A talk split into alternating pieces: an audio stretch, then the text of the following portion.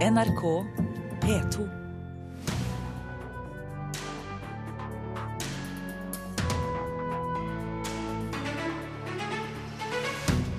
Over 15 millioner har sett bryllupsvideoen fra Ålesund der bruden synger seg opp kirkegulvet på YouTube, men videoen stjeles og eieren taper inntekter. Retorisk lavmål, mener ekspert om den pågående kampen om å bli USAs neste president. I kveld er det klart for demokratenes første TV-debatt. Og Mesteparten av det vi snakker om når vi snakker om ensomhet, er feil, sier filosof Lars Svendsen. Svendsen, som selger bøker over hele verden, oversatt til 26 språk. Han er ute med ny bok 'Ensomhetens filosofi', og du møter ham mot slutten av sendingen. Men først tjuveri på nett.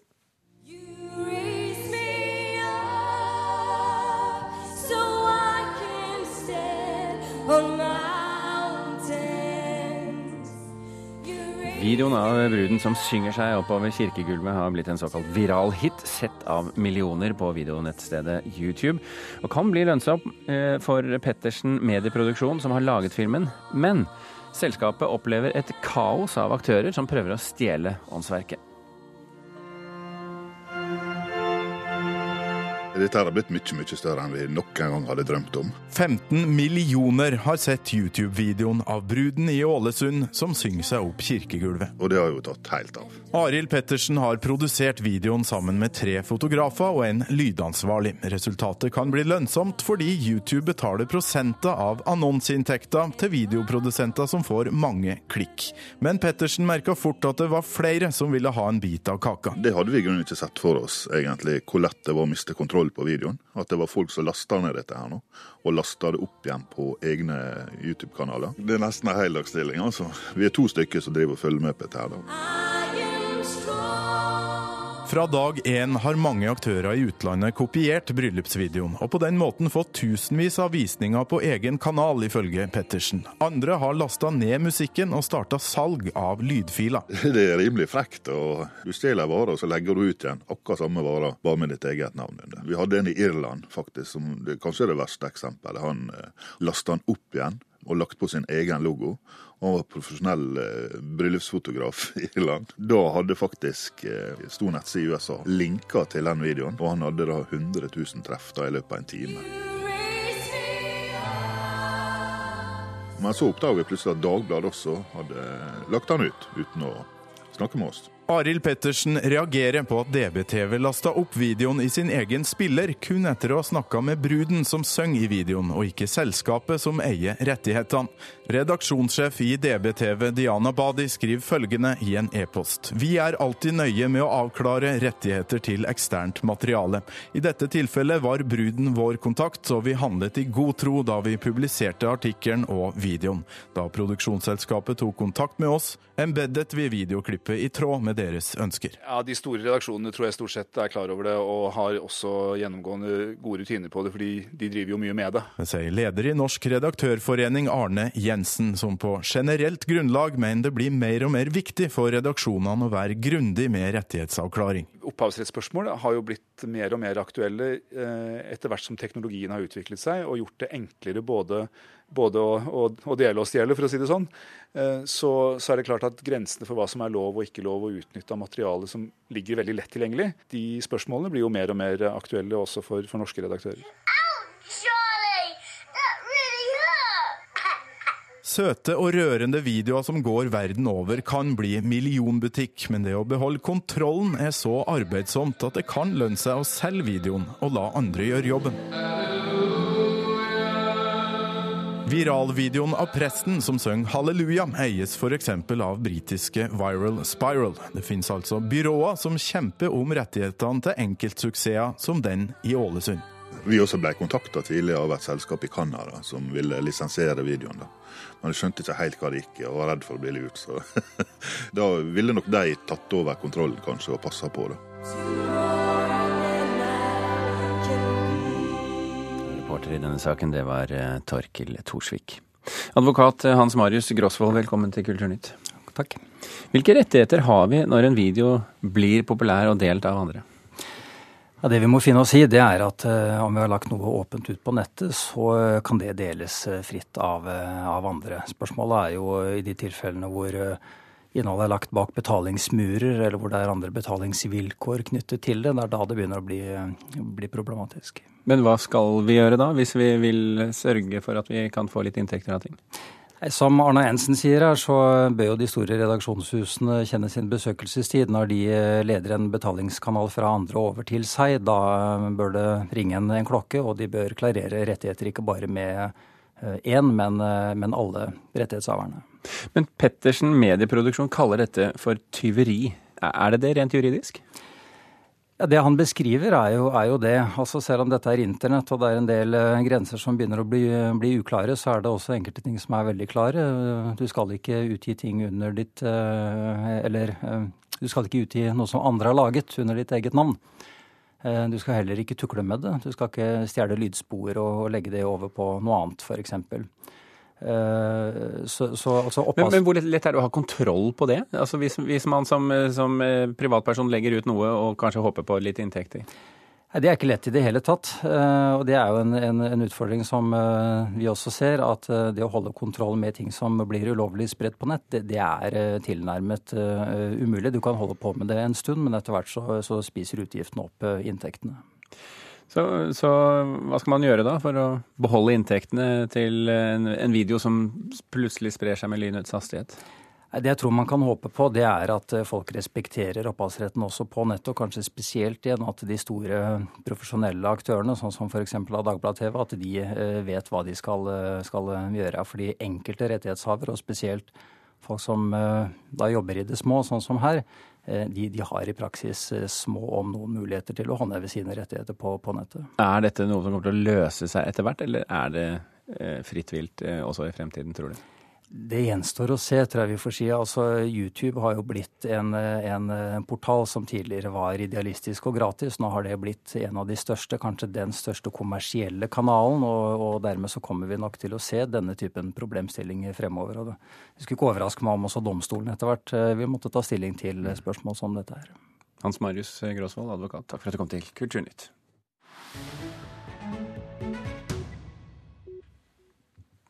Retorisk lavmål, mener retorikkprofessor Kjellars Berge om den pågående kampen å bli USAs neste president. I to direktesendte TV-debatter har de republikanske kandidatene, med Donald Trump i spissen, fyrt av mot hverandre. Men i kveld, amerikansk tid, kan vi få et retorisk skifte, tror flere. For da kommer de demokratiske kandidatene på banen i sin første TV-debatt. The big problem this country has is being politically correct. And I don't frankly have time for total political jeg har ikke tid til å være politisk korrekt, sa Donald Trump under den første TV-debatten mellom republikanernes presidentkandidater. Dette var for to måneder siden, og siden har utspillene hans skapt stadig større overskrifter. You know, you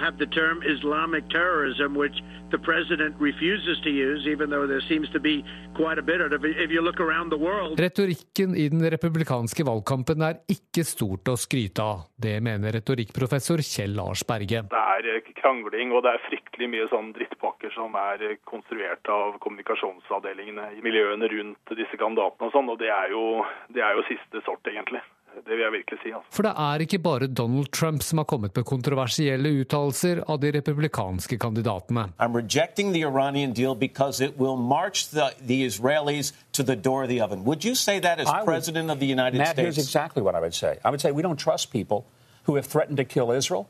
Her hører du Mike Huckabee forsvare seg så godt han kan.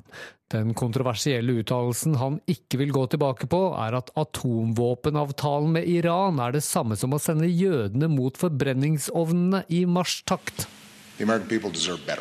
President Obama svarte med å si at han var lite lysten på å overlevere nøklene til Det hvite hus til folk som kunne få seg til å si noe sånt. These are leaders in the Republican Party in 18 months, I'm turning over the keys. I want to make sure I'm turning over the keys to somebody who is serious about the serious problems that the country faces and the world faces. That's America, et land rik av uh, ulike meninger. Og her ser du det i stor skala. Sier Lisa Cooper, som er leder i Democrats Abroad i Norge.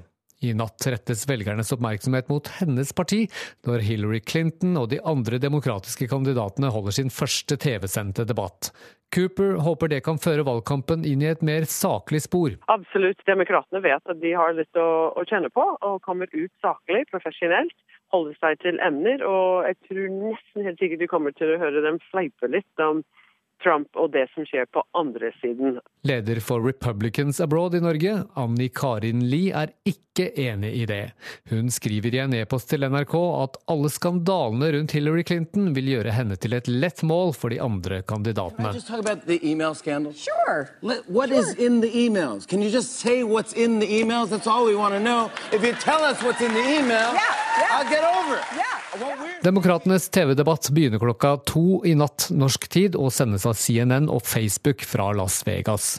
Og denne gangen skal altså Donald Trump være tilskuer som alle oss andre.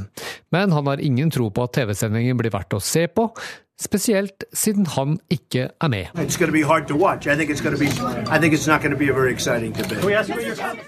Det var eh, Petter Sommer og Vidar Sem som hadde laget denne saken. Kommentator i eh, magasinet Minerva og USA-ekspert Jan Arild Snoen, velkommen til Kulturnytt. Takk. Er du enig? Har det vært retorisk eh, lavmål hittil? Ja, Det som har vært spesielt med denne valgkampen så langt, er jo Donald Trump. Eh, det er det som gjør dette til noe annet enn det vi har sett før. Og han er jo en reality-stjerne og har gjort dette til et reality-show. Sånn sett er jeg enig i at retorikken nå har vært på et lavere nivå. Men det er han først og fremst. Vil det endre seg i natt? Ikke med det samme, i hvert fall. Men altså det vi ser nå, er at Trump har vel nådd toppen og flata ut. Og eh, mange mener vel og tror at, eh, at amerikanske folk blir litt lei av dette stadige realityshowet. Sånn at han ikke vil få den dominerende plassen. Og det vil jo hjelpe det også da når det mer, blir mer fokus nå på demokratene. Og dermed også både på deres interne kamp, men også på forskjellene mellom republikanere og demokrater. Hvor viktig er retorikken i, i, i, valgkampen i USA? Ja, den er viktig fordi amerikansk politikk i større grad handler om personer. Det er jo enkeltpersoner som velges, og ikke partier på samme måte som i Norge. Eh, og Derfor så er hvordan du framstår, eh, og dermed også retorikken som er en del av det, eh, blir viktig der. Det er ikke uviktig i Norge heller, men det er viktigere i USA. Musikk kan bli en del av retorikken i USA, for en av de demokratiske kandidatene som stiller til debatt på CNN, CNN i natt, det er guvernør Martin O'Malley. Og sånn kan han også høres ut. In 1946, on March the 18th day, we hoisted our colors to the top of the mast. Her hører vi ham og hans gruppe O'Malleys March. Han er jo guvernør eh, og kan jo treffe i Midtvesten med musikalske, eh, denne eh, musikalske siden av seg. Er han en seriøs kandidat? Ja, det er han, men han har jo hatt problemer med å synes. demokratiske valgkampen handler jo bare om Bernie Sanders og Hillary Clinton, og da muligens om Biden når man hopper inn. Så dette er hans sjanse til å, å synes og begynne å klatre, for nå ligger han på 1% på meningsmålingene. Men, men, dette er da altså her får han anledning til å presentere seg for en større del av det amerikanske folk. Og, og, og det konservative Midtvesten vil vel kanskje like country-tilnærmingen? Ja, store deler av USA, bortsett fra de veldig venstreorienterte miljøene mm. på kystene, er veldig glad i country. Eh, Bernie Sanders nevnte du, en uvanlig kandidat. Eh, sterk eh, retorisk sett og, og ganske utypisk amerikansk politiker på et vis? Ja, jeg vet, vet ikke om vi vil kalle han sterk retorisk, men han er annerledes. Altså, han, eh, han snakker rett fra levra på en litt annen måte enn Trump. Eh, for altså han eh, Sanders virker litt som av og til en litt sånn krakilsk gammel onkel, syns jeg, da. Men, men, det har en viss appell, det også. Litt sint? Litt, litt krakilsk. Men, men, men, amerikanere er litt krakilske. De er sinte på Washington og de etablerte politikerne. Sanders er en annen type politiker, og derfor har han en appell. Jan eh, Arild Snoen, eh, tusen hjertelig takk for at du kom til Kulturnytt. Klokken er 17 eh, minutter over åtte. Du hører på Kulturnytt, og dette er toppsaken i Nyhetsmorgen nå. Antall barn og unge som bruker antidepressiva og sovemidler har doblet seg på ti år. Mental Helse Ungdom mener at fastleger møter ungdommer med medisiner istedenfor samtaler. Frykten for å miste jobben er nå like stor som under finanskrisen i Norge i 2009. Fire av ti ansatte frykter for arbeidsplassen sin, viser en undersøkelse. Og kapasiteten på norske asylmottak er sprengt pga. flyktningstrømmen til landet. Erna Solberg varsler kutt i velferd og standard på flyktningmottakene. Fredag åpner utstillingen Arkitekturstriper, en utstilling på Arkitekturmuseet om tegneseriemedie og arkitektur. Ja vel, tenker du kanskje, og hvorfor er nå dette en god idé? Vel, inn i studio nå kommer eh, vår kunstkritiker Mona Palle Bjerke, som ikke bare skal overbevise deg om at det er en god idé, men sågar en suveren idé. Mona, arkitekter lager skisser av det de skal bygge, men det er et stykke fra arkitekturskisser til tegneserier, eller hur? Ja, det er det. Ehm, og det som er jo gjør det til en veldig god idé å bruke tegneseriemediet, det er jo for det første at man formidler én kunstform gjennom en annen. I tillegg til at tegneseriens fortellende, humoristiske kapasitet gjør at man kan formidle arkitektur på en veldig folkelig måte. Og også vise arkitekturens muligheter, også spissformulere dens begrensninger. Så her ligger det veldig, veldig store formidlingsmuligheter. Men mange bruker jo også tegneseriemediet som en del av den skapende prosessen. som en rett og slett i eh, problemstillingsløsningen i sin egen eh, prosess. Eksempler? Ja, Det er jo mange eksempler i denne utstillingen på hvordan man kan jobbe, utforske byen. F.eks. Eh, den norske Håkon Matre Aaserød. Han viser jo i utforskningen av en bydel i London der han viser fem synsvinkler. Han har snakket med fem forskjellige mennesker og virkeliggjør deres visjoner for denne bydelen. Her viser han jo brukerperspektivet og hvor individuell vår opplevelse av byen er. Og hvor forskjellig det er da hva vi opplever som, god, for, som god arkitektur. Mange husker han kanskje fra denne serien som het Håkon og Hafners byggeklosser her på NRK, men det er jo større navn også på denne utstillingen? Ja, her kan vi se alt fra Le Corbusiers formsterke, enkle pennetegninger, som på en måte er litt i utkanten av det vi kan kalle tegneserie, men som allikevel har dette sekvensielle og blanding av tekst eh, og bilde. Eh, og helt til da Rem Kollas eh, fantastiske ideer visualisert av sønnen da gjennom tegneserie. Vi kan se Bjarke Ingels veldig spesielle ideer, der han jo er opptatt av å eh, kombinere ulike formtradisjoner til det han kaller promiskuøse hybrider. Og han har jo da fotobaserte tegneserier. Et fint eh, begrep, om ikke annet. Ja. ja. Men, men, til det vi startet med innledningsvis, hvorfor er dette etter et litt syn, det du kaller en suveren idé? Jo, både er en suveren idé både å bruke tegneserie, tenker jeg, for arkitekter, men også en veldig god utstillingsidé. Fordi at man kan nå en helt annen publikumsgruppe. Fordi tegneseriemediet er jo noe som mange er opptatt av. Eh, det er noe som har dette fortellende, humoristiske elementet som gjør at det er lettere å gå inn i det. Mange syns jo at arkitekttegninger kan være ganske utilgjengelige, vanskelig å forstå. Her kan vi få et rikt innblikk i arkitektens prosesser, men også i presentasjon av bygninger. Og her er det også arkitekturkritikk formulert som eh, tegneserier. Men jeg sitter likevel med en viss sånn idé om at det er for de spesielt interesserte? Nei, det tenker jeg tvert imot. Fordi at det nettopp har en, en, en folkelighet.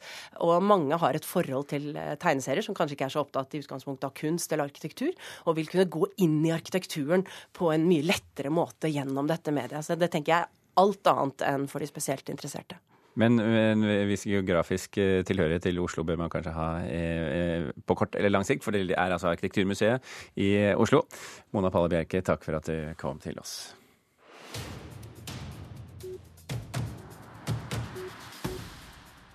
Et nytt dataspill skal snart bringe kunnskap om samisk kultur og mytologi ut i verden. Spillet kalles Noaiden og utvikles med pengestøtte fra Sametinget. Det er eh, et univers, og det er noen myter, det er en kultur som er så spennende at den fortjener å bli, bli, bli laga et spill av. Vi finner han i et lite kontorlandskap i Storgata i Tromsø. Her jobber Jorg Hauan på spreng med å virkeliggjøre dataspillet Noaiden. Foreløpig er det kun på tegnebrettet, men snart skal 3D-figurer og landskap tegnes ut på dataskjermen. I bunn for prosjektet ligger et ønske om å øke interessen for samisk kultur. Spillmarkedet i verden er verdens største underholdningsmarked. Dette markedet her vet kanskje ikke så veldig mye om samisk mytologi. I Kautokeino i Finnmark sitter sametingspresident Aili Keskitalo og følger nøye med på utviklinga av Noaiden. Hun og resten av Sametinget har nemlig støtta prosjektet med penger. Eh, vi vet jo at dataspill det er et eh, kjempestort verdensmarked for det. Eh, og hvis, hvis man har kompetansen på plass, så er jeg sikker på at man kan, man kan utvikle det også med et samisk uttrykk. Men tror du noen vil la seg støte av at man eh, lager et dataspill basert på gammel eh, samisk mytologi? Eh, det kan man jo ikke utelukke. Eh, den samiske mytologien kan jo oppfattes av mange som, som tabu. Og kanskje noen ikke ønsker at det skal bli utnytta kommersielt. Samtidig så føler jeg meg trygg på at når folk med samisk bakgrunn sjøl står bak det, så kan det gjøres på en skikkelig måte. Vi ønsker ikke å støte noen. Vi tar noen friheter, men det er veldig viktig for oss at vi, at vi respekterer de historiene og de mytene som, som vi er inspirert av. Ja, Det var altså Jorg Hauan i dataspillet The Arctic som snakket med reporter Rune Norgård Andreassen. Om man leser aviser og følger med på sosiale medier, så kan man få inntrykk av at ensomhet er et voksende samfunnsproblem. For 25 år siden ble det skrevet 250 artikler med ordet ensomhet i norsk presse. År for år har antallet økt, og i de siste fire årene har ensomhet vært nevnt over 2000 ganger per år i norske aviser. Nå har sågar Lars Svendsen, professor i filosofi ved Universitetet i Bergen, skrevet bok om fenomenet, ensomhetens filosofi, og han innrømmer at alt absolutt alt han trodde han visste om ensomhet, var feil. Jeg trodde jo at den var stadig økende. Jeg trodde at vi hadde veldig høye nivåer av ensomhet eh, her oppe i eh, Skandinavia. Jeg trodde at Eh, menn var mer ensomme enn kvinner. Jeg trodde at de som var ensomme, var mer alene enn de som ikke var ensomme. Jeg trodde at eh, den omfattende bruken av sosiale medier ville øke ensomheten. Jeg trodde det faktum at vi blir stadig flere aleneboende, ville føre til økt ensomhet. Og så viste det seg at eh, absolutt ingenting av dette stemte. La, la, oss komme tilbake til det litt etterpå. Um, men hva har du kommet frem til at ensomhet er? Altså, Ensomhet kan vi beskrive som en slags uh, sosial abstinens. En følelse av smerte eller ubehag som forteller oss at behovet vårt for tilknytning til andre ikke blir tilfredsstilt. Vi kan også kalle det en sosial smerte og den følger jo faktisk altså, de samme nevrale banene som det, det fysisk smerte eh, gjør. Og den lar seg faktisk Det gjør vondt. Det, det gjør faktisk vondt.